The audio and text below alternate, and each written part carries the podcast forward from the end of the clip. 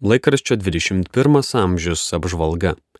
Naujausiame 21 amžiaus numeryje pranešama, kad iki sausio 8 dienos Lietuvos jūrų muziejaus centrinėje kasoje eksponuojama profesoriaus Liudo Mažylio kalėdinių atvirukų kolekcija, kviečianti į nostalgišką kelionę po tarpukario kalėdų pasaulį.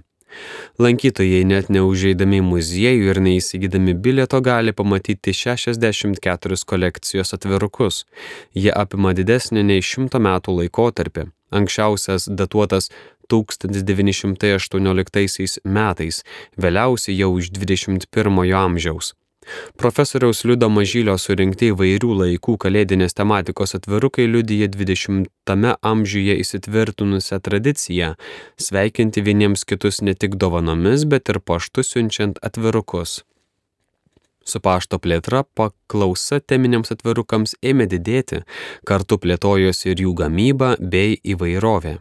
Kita vertus, ėmė nusistovėti tam tikra įvairius atvirukus vienijanti simbolika - eglutė, sniegas, kalėdiniai papuošimai, angelai, vaizduojami visais laikotarpiais.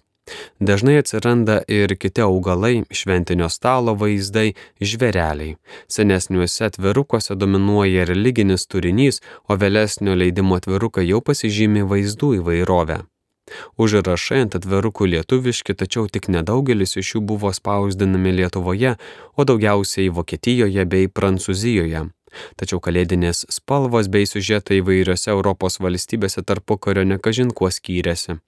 Sovietmečiu kalėdų šventimas buvo draudžiamas, o įsigalėjo sveikinimai su naujaisiais metais.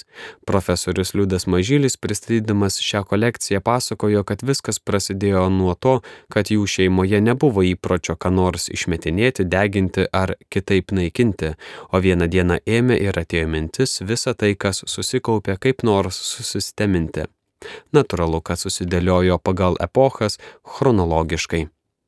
Į seną paštu atkeliavusi atviruką visada verta įsižiūrėti kuo įdėmiau, sako profesorius. Ten bus kokio nors artimo žmogaus, o gal ir visuomeniai žinomo veikėjo rašytas tekstas.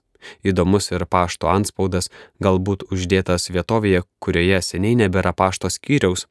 Kolekcija nėra baigtinė, ji po truputį vis auga, parodoje pristatoma tik nedidelė kalėdinių atvirukų kolekcijos dalis. Kita kalėdinė tema - maisto švaistimas per šventinį laikotarpį. Maisto banko atstovai aiškina, kad visame pasaulyje didžiuliai maisto kiekiai po švenčių išmetami. Paskaičiuota, kad po kalėdų išmetama net 74 milijonus piragų. Pagrindinė maisto švaistimo priežastis yra neplanavimas. Laikraščio priede pro Vita Mindaugas Buik apžvelgia popiežiaus pranciškaus susitikimą su vaistinių tinklo apoteka Natūra atstovais. Šventasis tėvas jiems linkėjo, kad kiekvienas asmuo sąžiningai prisidėtų prie rūpinimosi kultūros vystimo. Svarbu ne tik siekti pelno, bet ir rūpintis žmogaus gyvybės bei orumo išsaugojimu ir bendruoju gėriu. Vaistininkai pagal savo veiklos pobūdį ir stilių turi būti pirmose šios kilnios užduoties įgyvendinimo gretose, rodyti sektiną pavyzdį kitiems.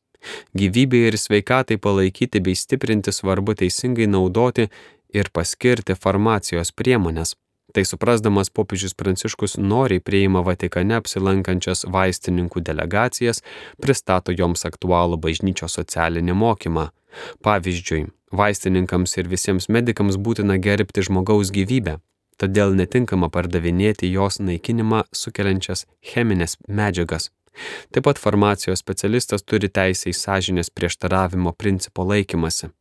Reikšminga ir sektina visiems šios ryties darbuotojams palaikyti gerus santykius su vietinės gyventojų bendruomenėmis, skatinant geresnį lygotumo pažinimą, nuoširdesnį bendravimą, išklausimą, tinkamus patarimus dėl vaistų vartojimo bei sveikesnės gyvensenos pasirinkimo. Tai ypač aktualu dabar, kadangi šeimos gydytojo vaidmuo sumenkėjo. Biurokratizuojant ir kompiuterizuojant šias paslaugas nebepaisoma betarpiško bendravimo su pacientais kokybės ir dėl to labiausiai nukenčia vyresnio amžiaus bei mažiau išsilavinę žmonės. Jie yra faktiškai atskiriami nuo pirmiausiai jiems skirtos sveikatos priežiūros ir gydimo. Priede pro Vita dar rasime žinę apie tai, kad trijų Kauno universitetų - Lietuvos veikatos mokslų, Kauno technologijos ir Vytauto didžiojo absolventai ėmėsi kraujo donorystės iniciatyvos Mes visi vieno kraujo. Viena iš trijų didžiausių mirties priežasčių akušerijoje - pogimdyvinis kraujavimas, todėl turėti kraujo rezervų, kad būtų galima bet kada padėti motinai, yra būtinybė. Priede Provita raginama pasinaudoti lygų prevencijos programomis ir pasitikrinti sveikatą. 21 amžius rašo dar ir apie politinį kalinį Romualdą Juozą Ragaišį, nuteistą ir už tai, kad pasirašė protestą dėl kunigų Sigito Tamkevičiaus ir Alfonsos Varinskos suėmimo. Apžvalgą parengė laikraščio 21 amžius redakcija.